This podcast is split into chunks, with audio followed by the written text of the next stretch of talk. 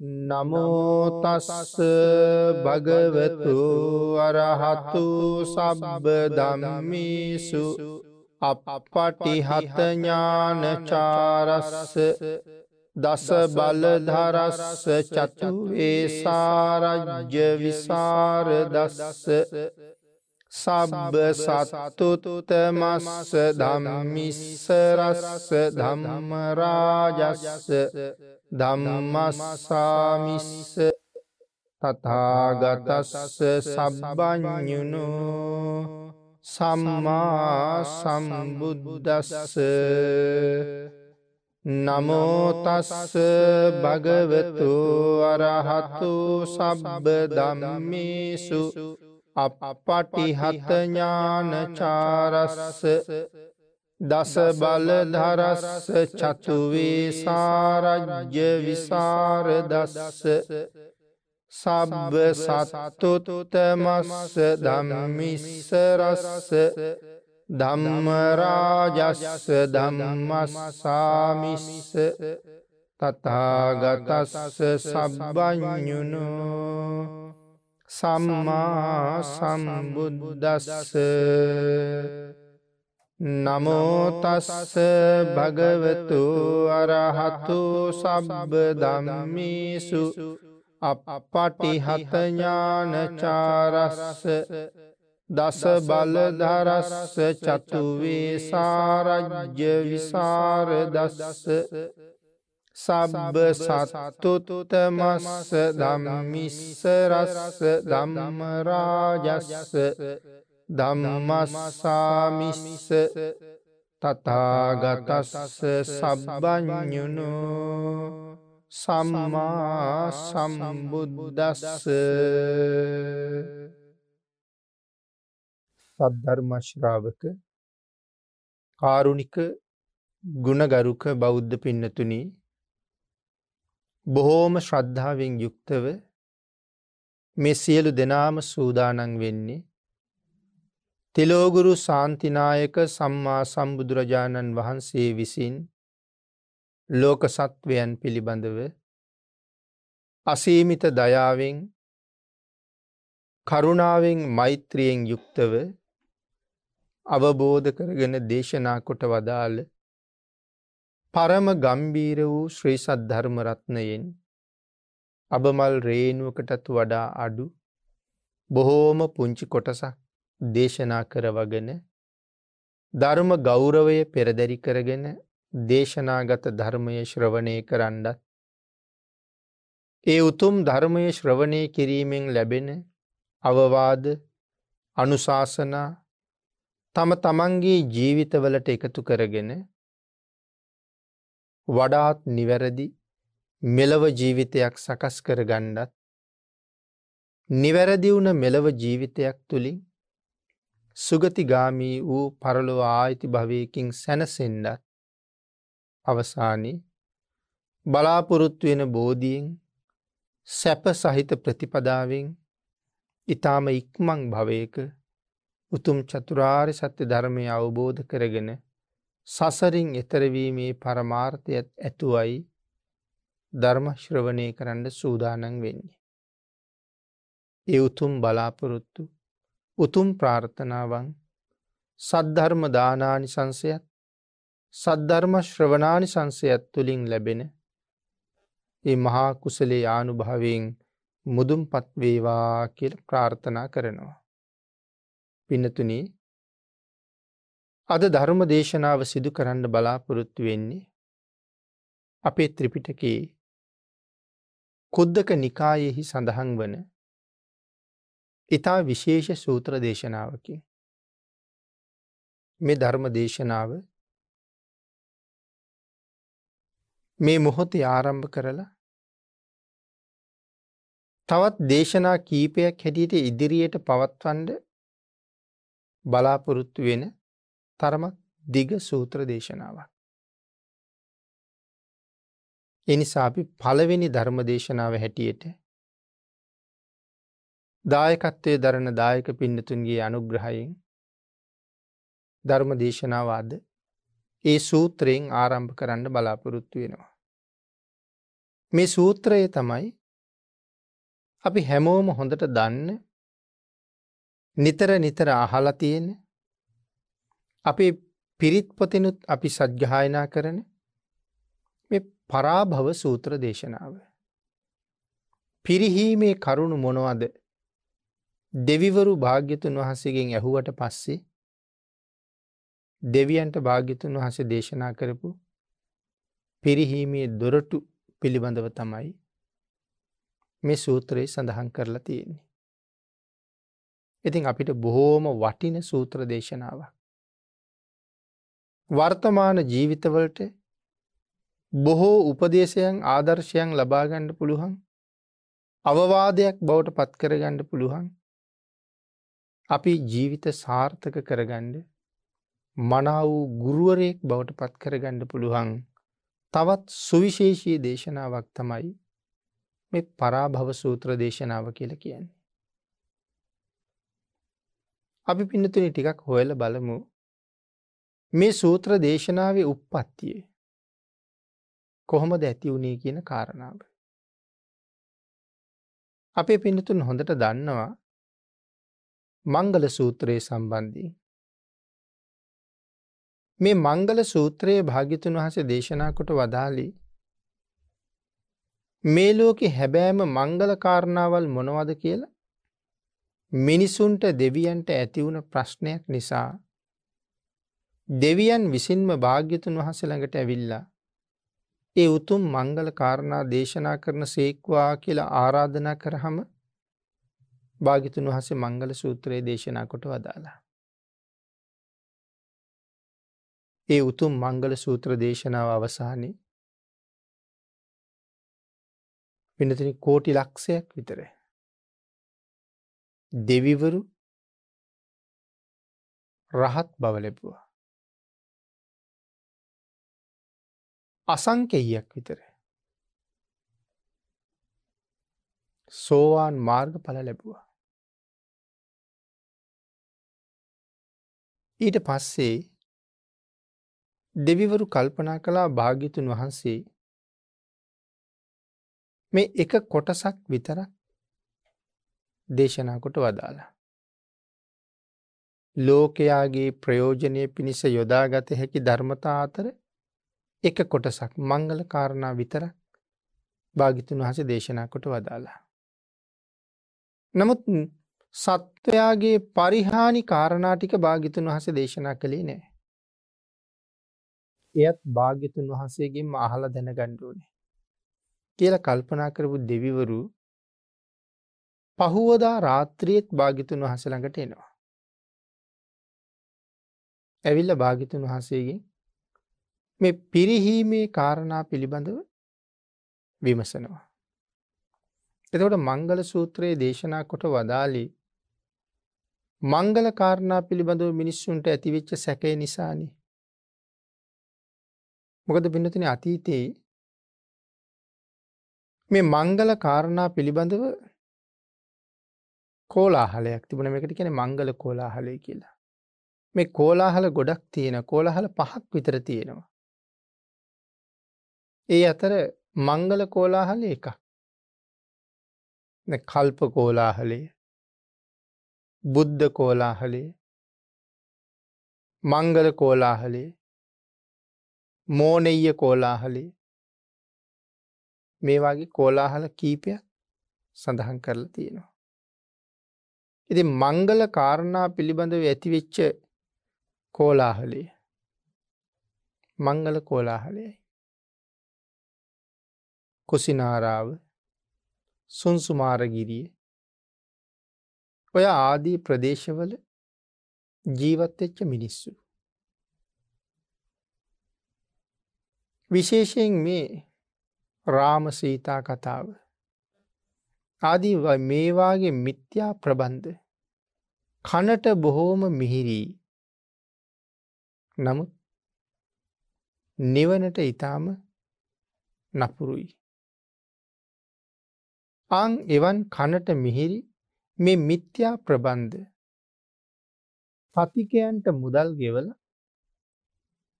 ඔය නගර දවාරවල නගර මද්දී මේ කතිකයන් ලව්වා කියවනවා. මිනිස්සුන්ට අහගෙනඉන්ට. එතකොට සමහර මිත්‍යා ප්‍රබන්ධ කතාවක් කොච්චර දිගද කියල සඳහන් කරනවා මාස හතරක් විතර ගත වෙනවලු එක කතාවක් ඉවර කරන්න. මෙන්න මේවාගේ කරගෙන යන කාලයක මෙ මිනිස්සු පිරිස් එකතු වෙලා සාකච්ඡා කෙරෙන තැනක එක පුද්ගලයෙක් පිරිස අතරින් නැගිටිනවා මට මංගල්ලය අවස්ථාවක් තියෙනවා මං ඒ මංගල්ලයට සහභාගිවෙන්ඩ යන්ඩෝන කියලා. දැ මේ මංගල්‍ය කියන වචනයත් එක්ක තමයි මොනවද ලෝකයේ මංගල්‍ය කියන කතාව පැනනගින්ට පටන්ගත්ත. අං ඒ කාරණාවෙන් විවිධ දේවල් මිනිස්සු සඳහන් කලා මේ මංගල කරුණු හැටියට. අං ඒ එක එක කරුණු සඳහන් කරපු පුද්ගලයෝ සමහරය දකින දේවල් ඔස්සේ මංගල කාරණා තීරණය කළා.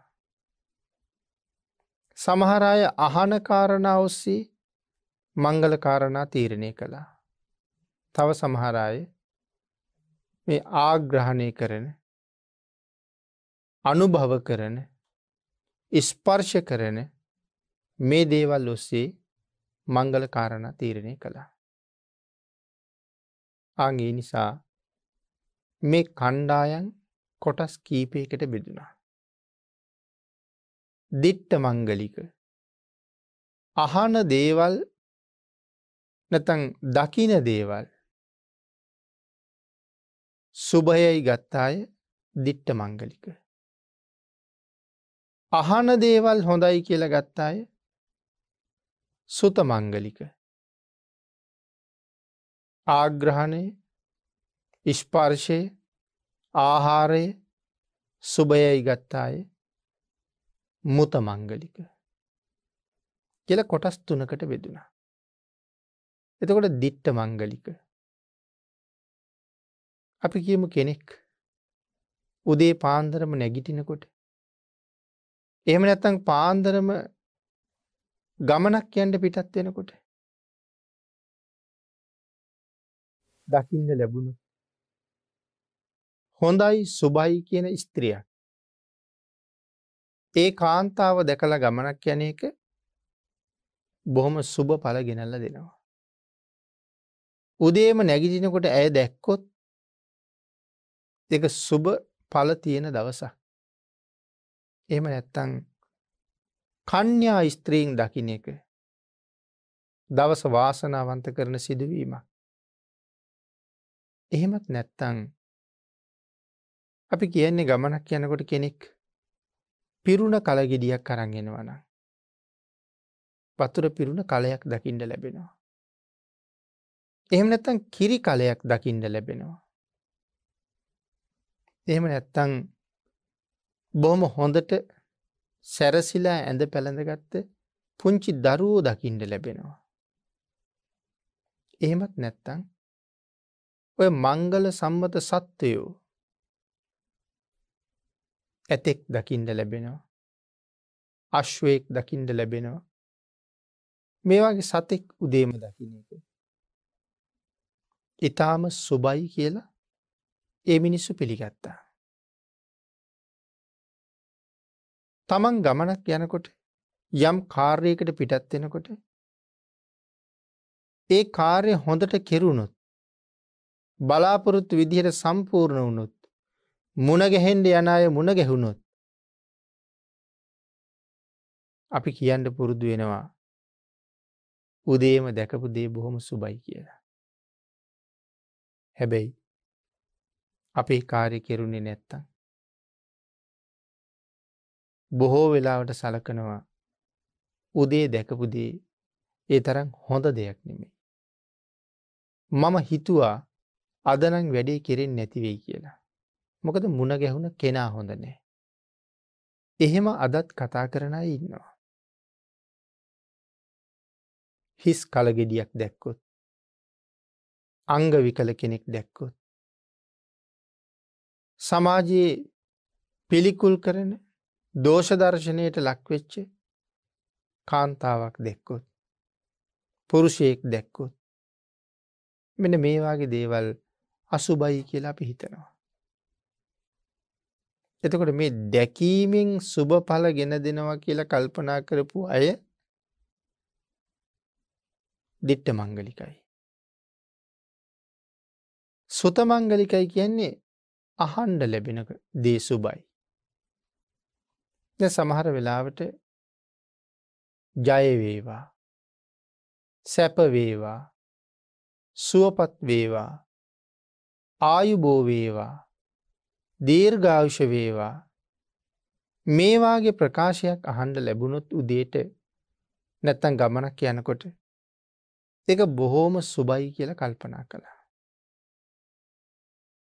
එහෙම නැතුව අපි සාමාන්‍ය කතා කරන්නේ හෙන ගහපිය නයාකාපිය කොටියකාපිය මේවාගේ වචනත් තියෙනවනේ උදේම ඒවාගේ වචනයක් ඇහුණු ඒ දවස ඉතාම නිස්ප්‍රයෝජනවත් දවසක්.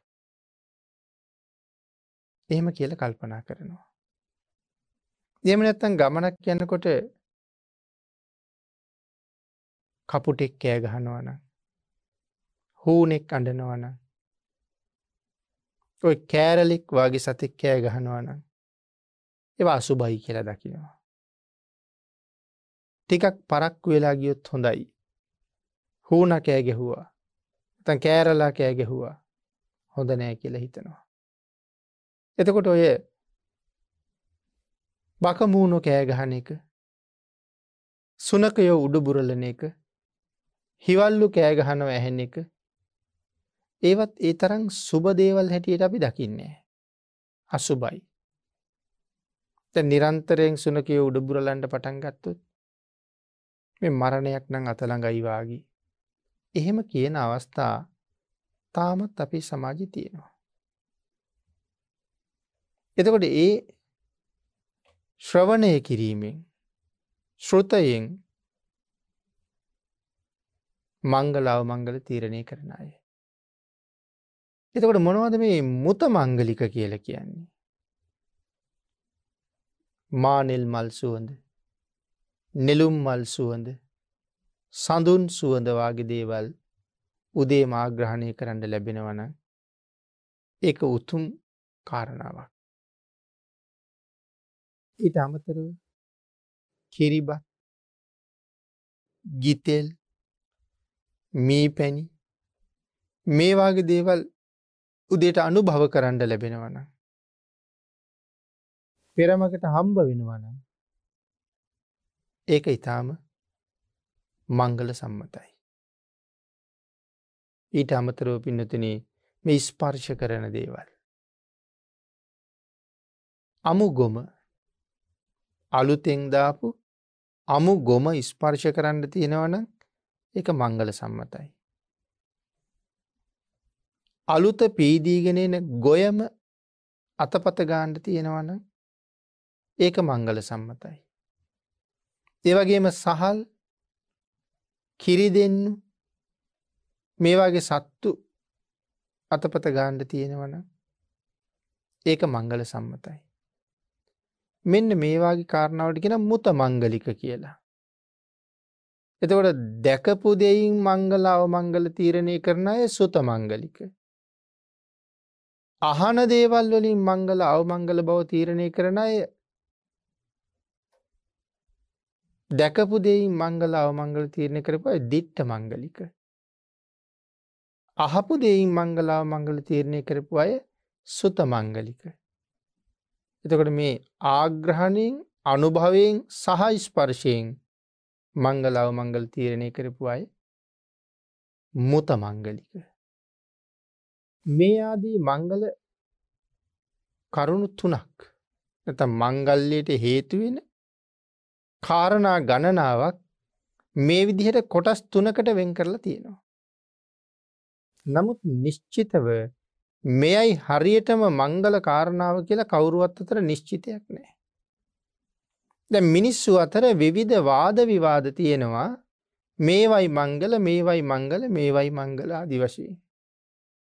ඕක පින්නතුන මේ වාදය මිනිස්සු අතරින් තම තමන්ගේ ආරක්ෂක දෙවියන් අතරට ගිය.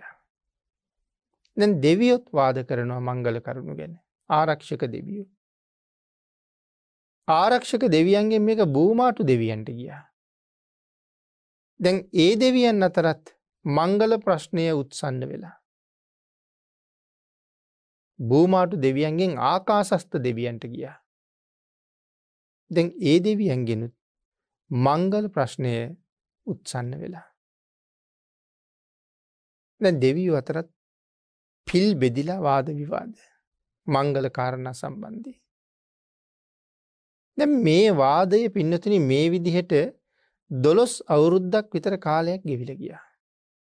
නමුත් තාම හරියටම මංගල මොනවද අවමංගල මොනවද කියලා තීරණයක් නෑ. ඒ නිසා මේ චාතුම් මහාරාජික දෙවිවරු අතරටත් මේ කාරණාව ගියා. චාතුම් මහාරාජික දෙවියන්ගෙන් ආකස්සස්ත දෙවියන්ගෙන් චාතුම් මහාරාජික දෙවියන්ට ගිය. චාතුම් මහාරාජික දෙවියන්ගෙන් එක තාවතින්ස දෙවියන් අතරට ගිය. මේ කෝලාහලේ පැතිරිල්ලා පැතිරිල්ලා අකනිටා බඹලුව දක්වාම පැතුරුණා.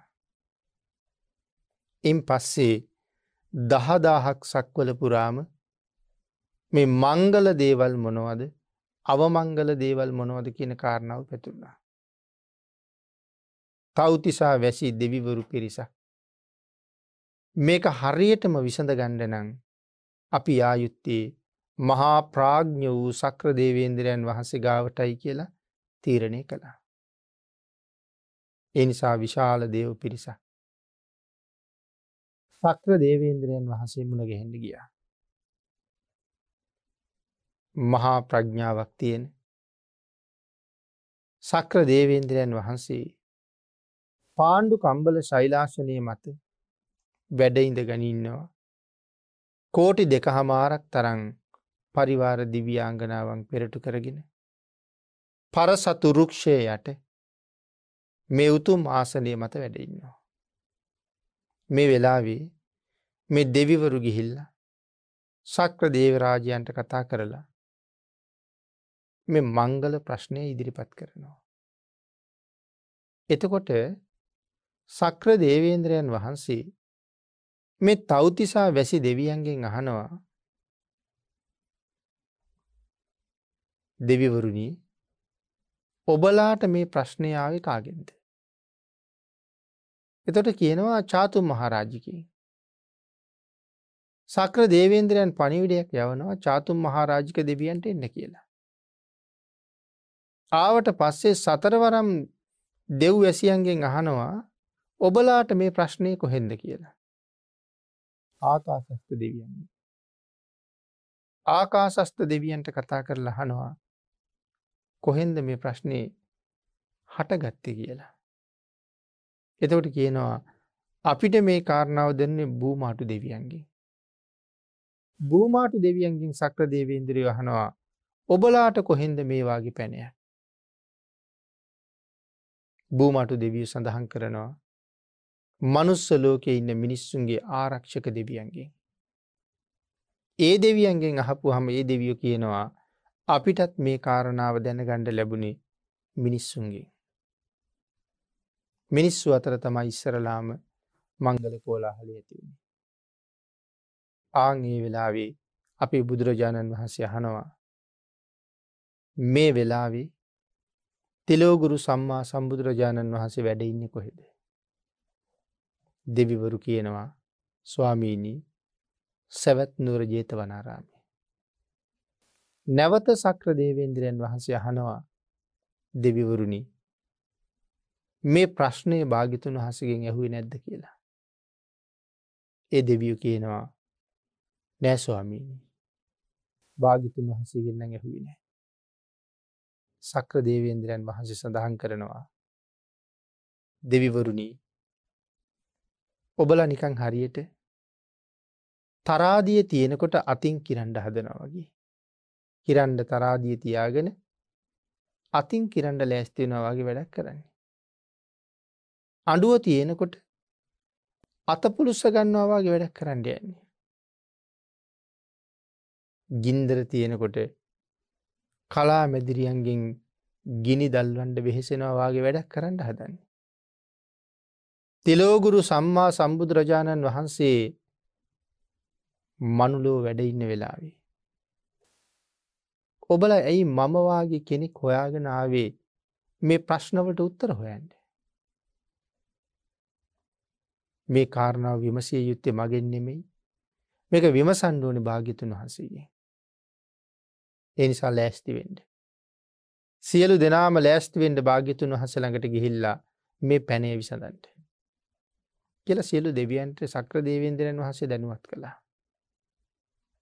පිනතුනය වෙලාවේ දහදාහක් සක්වලේම දෙවියෝ එකතුුණා. ප්‍රථම යාමේ ඉක්මවා ගියපු මධ්‍යම රාත්‍රයේ මේ සියලුම දෙවිවරු බුදුරජාණන් වහන්සේගෙන් මේ පැනය අහන්ඩ රැස්සුනා. කොච්චර පිරිසක් රැස්වෙන් ඇද්ද කාරණාව සඳහන් කරනවා. මෙ අස්සේකුගේ ලෝමගහක්. යම් තැනක පිහිටවන්ඩ කොයි තරං ඉඩ ප්‍රමාණයක් ඕනේද. අන්න ඒවාගේ ඉඩ ප්‍රමාණයක දෙවියු දහය විස්සක් තිහක් හතලිහ පණහක් හැටක් හැත්තෑවක් අසුව හිටිය කියලා. මේ සක්වලට රැස් වෙලා. මොන තරං දේව පිරිසක් මේ ප්‍රශ්නය විසඳ ගණ්ඩ ඇවිල්ල තියෙනවාද. එකන අස්ස ලෝමයක් යම් තැනක පිහිටවන්ඩ අවශ්‍ය යම් ඉඩ ප්‍රමාණයක්ද භාග්‍යතුන් වහන්සේ ළඟටම යනකොට ඒවාගේ ඉඩ ප්‍රමාණයක් ඇතුළේ දෙවියෝ දහ දෙනෙක්කින්නවා. තව ටිකක් එහාට යනකොට ඒවාගේ ඉඩ ප්‍රමාණයක දෙවියෝ විස්සක් තිහක් හතලිහක් ඈතට යනකොට අස්ස ලෝමයකට අවශ්‍ය ඉඩ ප්‍රමාණය ඇතුළේ දෙවිවරු අසුවක් විතර ඉන්නවා. අපේ පිඩතුට මතක ඇති මහා සමය සූත්‍රයේ පැහැදිලි කරනකොටත් මෙ මොන තරං දෙවියෝ රැස්සුනාද කියන කාරණාව අපි සාකච්ඡා කරන්න යෙදෙන. එයත් මේ විදිහමයි. එතන සඳහන් කළේ ඉදිකටු සිදුරක් තරම් සිදුරක් ඇතුළේ දෙවිවරු දහයක් විස්සක් තිහක් හතලිහ ඈතට ඈතට යනකොට මෙ පමණම රැස්සුනා කියලා. ඒ තරම් විශාල දේව පිරිසක් රැස්වෙලා තමයි සක්‍ර දේවේන්ද්‍රයන්ගේ දැනුන්දීමේ එක්තරා දෙවිය බුදුරජාණන් වහස ළඟට යන්නේ. භාගිතුන් වහස ළඟට එළඹිච්ච මේ දිවිය පුත්‍රයා හරියට නිකං හිරු බැබලෙනවාගේ. මුළු ජේත වනා රාමය මේ කාලෝක කරගෙන බුදුරජාණන් වහන්සේ ළඟට ගිහිල්ලා භාගිතුන් වහසට වන්දනා කරලා එකත් පසක ඉඳලා මේ මංගල ප්‍රශ්නය ඇහුවා.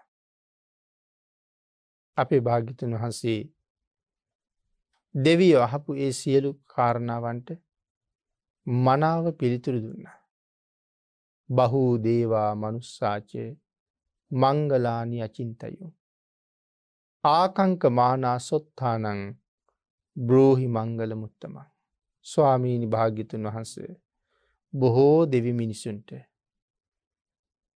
මේ මංගල අවමංගල කාරණා මොනවද කියල දැනගණ්ඩ විශේෂයෙන් මංගල කාරණා දැනගණ්ඩ. අවශ්‍යතාවයක් තියෙනවා. දොළොස් අවුරුද්ධක තරම් දීර්ඝ කාලයක් දෙවි මිනිසුන් මේ ලෝකෙ සැබෑම මංගල කාරණා මොනවද කියල හෙව්වා. පිළිතුරු නොලැබුණ නිසයි භාගිතුන් වහස ළඟට වේ ආවී. මේ ප්‍රශ්නය විසඳලා දෙන්න කියලා. අපි බුදුරජාණන් වහන්සේ ආන් ඒ ආයාචනාව මුල් කරගෙන උතුම් වූ මංගල සූත්‍රයේ දේශනා කොට වදාලා. ඒ මංගල සූත්‍ර දේශනාව අවසානය තමයි පිනතින අපි මතක් කළේ විශාල දිව්‍ය පිරිසක් රහත් වුණා. අසංකෙයක් තරං විශාල පිරිසක් සෝවාන් වුණා. ඒ දේශනාව අවසානී. දෙවිය බොහෝම සතුටින් පිටත් වෙලා ගියා. ඒ ගිහිල්ල තමයි පසුව කල්පනා කළේ භාග්‍යතුන් වහන්සේ එක අන්තයක් විතරක් දේශනා කළා. මංගල්‍ය මොනෝද කියල දේශනා කළා. නැතන් දියුණුවේ දොරටු භාගිතුන් වහන්සේ පැහැදිලි කොට වදාලා. එකන්සයයි. පිරිහීමේ දොරටු දේශනා කළේ නෑන. එහෙමනම් ඒ කාරණා ටිකත් සියලු දෙනාගේ හිතසුව පිණිස භාග්‍යතුන් වහන්සේගෙන්ම අහලා දැනගණ්ඩ වටිනවා. එහෙම හිතල තමයි නැවතත් සක්‍ර දේවේන්දරයන් වහන්සේත් පෙරටු කරගෙන දහදාහක් සක්වලේ දෙවියෝ පෙරදා වගේම රැස්වුණා. එහෙම රැස්වෙලා සක්‍ර දෙවියන්ගේ ආරාධනාවෙන් පෙර පරිදිම එක දෙවියෙක් මුළු ජේත වනාරාමෙම ආලෝකින් ආලෝකයට පත් කරගෙන බුදුරජාණන් වහන්සේ ළඟට ඇවිල්ලා වන්දනා කරලා එකත් පස්සක ඉඳගෙන එකත් පස්සක ඉඳලා බුදුරජාණන් වහන්සේගෙන් ඒ කරුණ අහනවා ස්වාමීණී මංගල කාරණා දේශනා කළ මිසක් පරාභවයට හේතුවෙන කරුණු දේශනා කළේ නෑ. අපි ඒකත් දැනගණ්ඩයි අදාවි කියලා. පරාභවන්තං පුරිසං මයං පුච්චාම ගෝතමං භගවන්තං පුට්ටුමාගම්ම කිං පරාභවතුූමකං පරාභවන්තං පුරිසං මයං පුච්චාම ගෝතමං. ගෝතම ගෝත්‍රයේ ඉපදිච්ච තිලෝගුරු සම්මා සම්බුදුරජාණන් වහන්සේ පරාභවන්තං පුරිසං මිනිස්සු. මයන් ඒ වගේම අපි සියලු දෙනා. පිරිහීමට හේතුවෙන ලක්වෙන පිරිසක්. ඒ පිරිහීම අවම කර ගැනීම සඳහා නැතිකර ගැනීම සඳහා මොන වගේ කරුණු නිසාද පිරිහෙන්නේ? පිරිහීමේ හේතු මොනවද කියන කාරණාව අනුකම්පා සහගතව දේශනා කරන සේක්වා කියල තමයි ආරාධනාව කරයි. අපේ භාග්‍යතුන් වහන්සේත් දෙවියන් කෙරෙහි මිනිසුන් කෙරෙහි බොහෝම අනුකම්පාවෙන් මංගල කාරණා දේශනා කලා වගේම මේ පරා භවයට හේතුවෙන කාරණත් දේශනා කොට වදාලා. ඒකෙන් තමයි පින්නතුනි මේ පරා භව සූත්‍රය ආරම්භ වෙන්නේ. මංගල කාරණා නිසා මහා මංගල සූත්‍රයේ අපිට ලැබුණා. ඒ මංගල කාරණා දේශනා කරලා භාගිතුන් වහසේ දේශනා කරපු සූත්‍රයේ මංගල කරුණු එකතු කරපු සූත්‍රයේ මංගල සූත්‍රයේ. පිරිහි මේ කරුණු එකතු කරපු සූත්‍රය පරාභව සූත්‍රය. මේ සූත්‍රයේ දේශනා කරනකොට දෙවියෙක් භාගිතුන් වහසගෙන් ප්‍රශ්නහනෝ භාගිතුන් වහස උත්තර දෙනවා. එක ගාථාවක් දෙවියන් අහන ගාථාවක් අනික භාගිතුන් වහන්සේ පිළිතුරු දෙන ගාථාව. ඊළඟ ගාථාව දෙවියෝ කියන ගාථාව ඊළඟ ගාථාව භාගිතුන් වහන්සේගේ පිළිතුරු ගාථාව. ඒ විදිහට තමයි පරාභව සූත්‍රයේ සංග්‍රහ වෙලා තියෙන.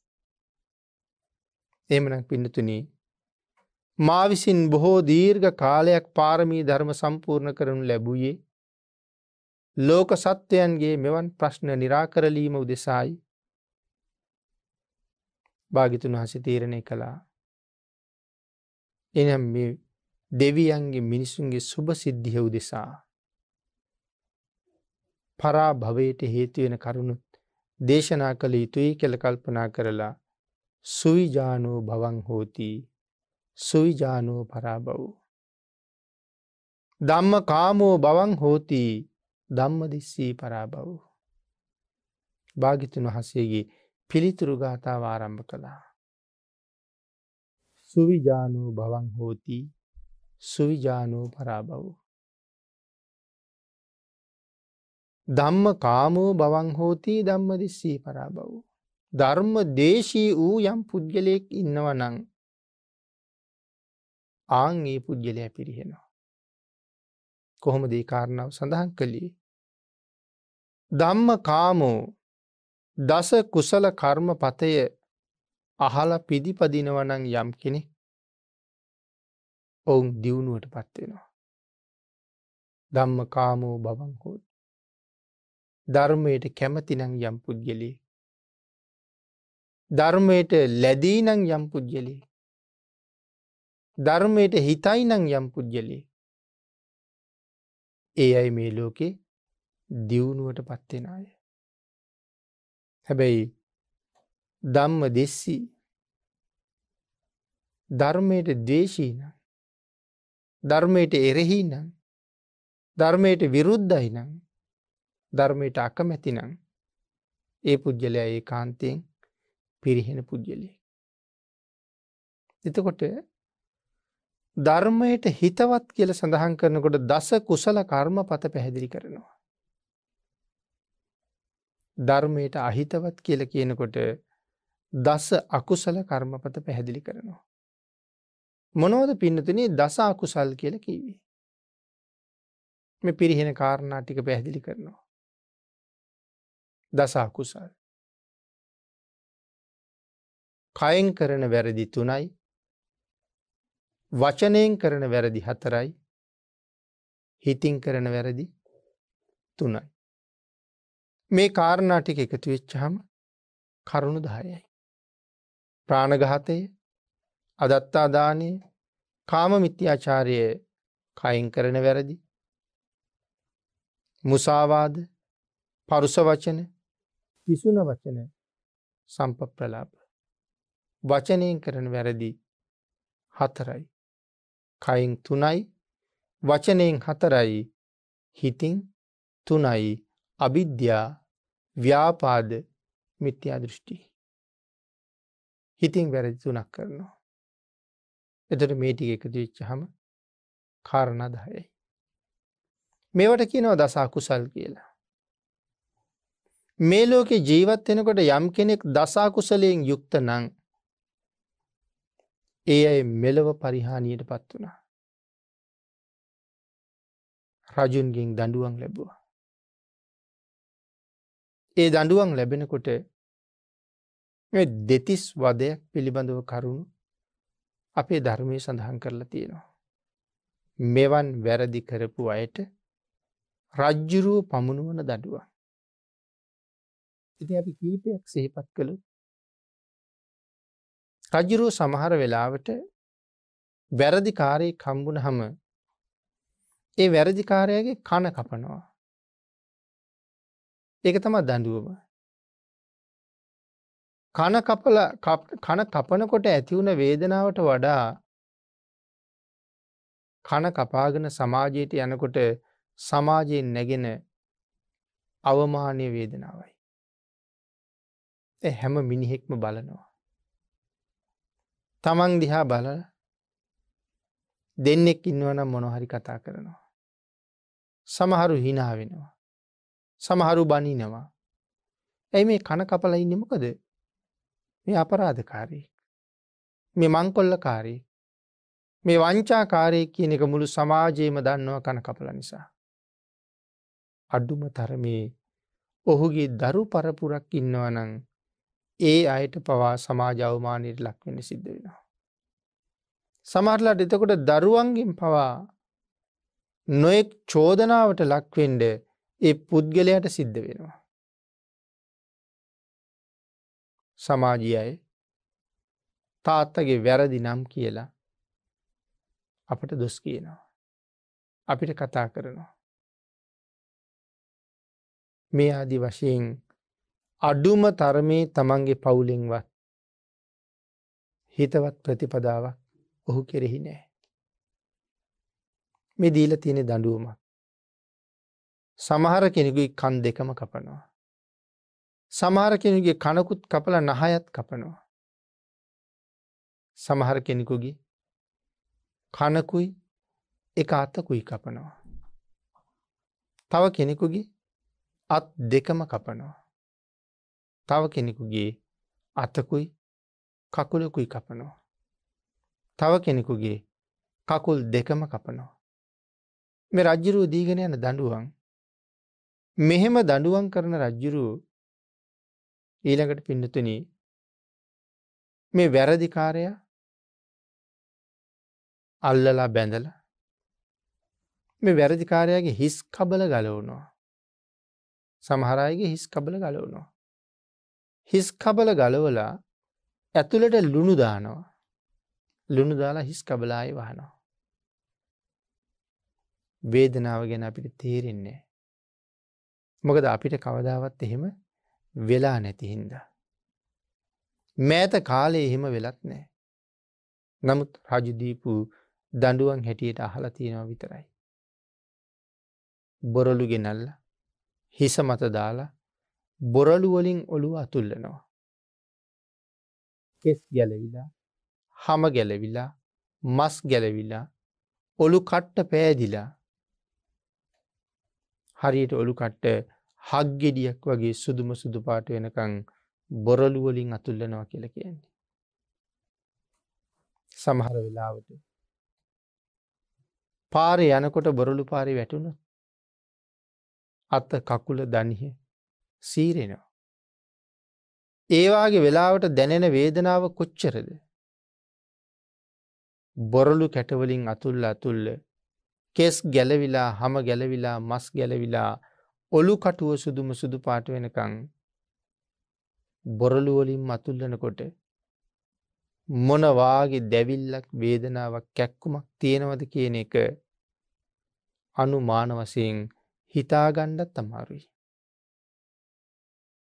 තව සමහර වෙලාවට රාහුමුක කියල දඩුවමක් දුන්න. කට ඇරල කට වහන්ඩ බැරිවෙන්ඩ ඇතුලතින් තියෙනවා යකඩ කෑල්ලක් හරි කෝටු කෑල්ලක් හරි ආධාරකය. එතර කට වහන්න බෑ. ඊට පස්සේ පහනක් දල්වලා කට ඇතුලින් තියෙනවා. රාහුමුක්ක. තව වෙලාවක රජ්ජුරු මේ පුද්ගලයා අල්ලගෙන එක අතක් සම්පූර්ණයෙන්ම රෙදිවලින්ම වෙලනවා. වෙලල වෙලල වෙලල තෙල් භාජනයක දාලා හොඳට තෙල් උරාගණ්ඩ ඇරල අර රෙදි කෑල්ලි කෙරවලකට ගිනි තියෙනවා. ඇගිලි පැත්තෙන්. රෙදි ගොඩාක් ඔතල තෙල් හොඳට උරලයි තියෙන්නේ. ඉතින් දැම් පහන් තිරයක් ඇවිලෙනවා වගේ ඇවිලෙනවා. හම දවල මාන්සය දවල නහරවැල් දවල ඇටකෝටු දවල හරිට නිකං සුවඳ කූරක අලු ටික සියල්ල දවාගෙන බිමට වැටෙනවා වගේ අලු තමයි වැටෙන්නේ. මැරෙනවද මේ පුද්ගලයා අත මුලටම පිස්සුනත් මැරෙන් නෑනි පින්නතුනි. එතොට මේ සුවඳ කූරක අලු කැඩි කැඩී වැටෙනවා වගේ ඇටකෝටුත් එක්ක පිලිස්සි පිලිස්සි බිම වැටෙන්ඩ පිච්චෙනකොට මේ පුද්ගලයා මොන්න වගේ වේදනාවක් විදිනව ඇත්ත. නමුත් මොනව කරපු නිසාද මේ දසා කුසල් කරපු වගේ විපාක්. ඒවට හම්බෙලා තින දඩුව. සමහරලාට රජ්ජුරු මුළු ශරීරයම රෙදියොතලා තෙලේ පොගෝලාගින් තියෙනවා. එක පැත්තකින් ටික ටික දැවෙන්ට ගිනි තියෙනවා. උල ඉන්දවනවා. මේවාගේ ඉතා දරුණු භයානක වදබන්ධනොල්ට ලක් කලා. බිම පෙරලලා එක කංසිදුරකට යකඩ කූරක් දාලා අනික් කංසිදුරෙන්ද මතු වෙලා පොළොවට ඇනෙනකං යකඩ කූර ගහල පාද දෙකින් අල්ලගෙන කරකුණු. මේ වගේ වර්තමානනං සිතුවෙලි මාත්‍රයෙන් බය උපදවන තරං කරුම රාශියක් රජ්ජුරුව විසින් කරවලා තියෙනවා. දඩුවන් කරලා තියෙනවා. ආංගේ දඩුවමට යම් කෙනෙක් බයයිද ඒ පුද්ගලය පින්නතුනි කවදාවත් දසා කුසල් කරන්නේ අය. දඩුවමට බය නිසා. මෙන්න මේ විදිහට මේ දස අකුසලය නැතන් අකුසල් කිරීමේ මෙලොව විපාකය මේ විදිහට දේශනා කරනවා. මේක බාල පණ්ඩිත සූත්‍රයේ ඔය විදිහටම පැහැදිලි කරනවා. ඊට පස්සේ වැරදි කාරයට මෙලොව විඳින්ට තියෙන විපාක පිළිබඳව දැනුවත් කරලා. අපේ භාගිතුන් වහන්සේ මෙවන් දඩුවන් විදින්ට සිද්ධ වෙනවනම්. මෙවන් දුක් ඉවසන්ඩ සිද්ධ වෙනවනම්. කුමක් සඳහා මෙවන් වැරදි නැවත නැවත කරමුද. මේ දඩුවමට බය වූ පුද්ගලය මෙවන් වැරදිවලින් අතමිදිය යුතුයි කියල දේශනා කළා.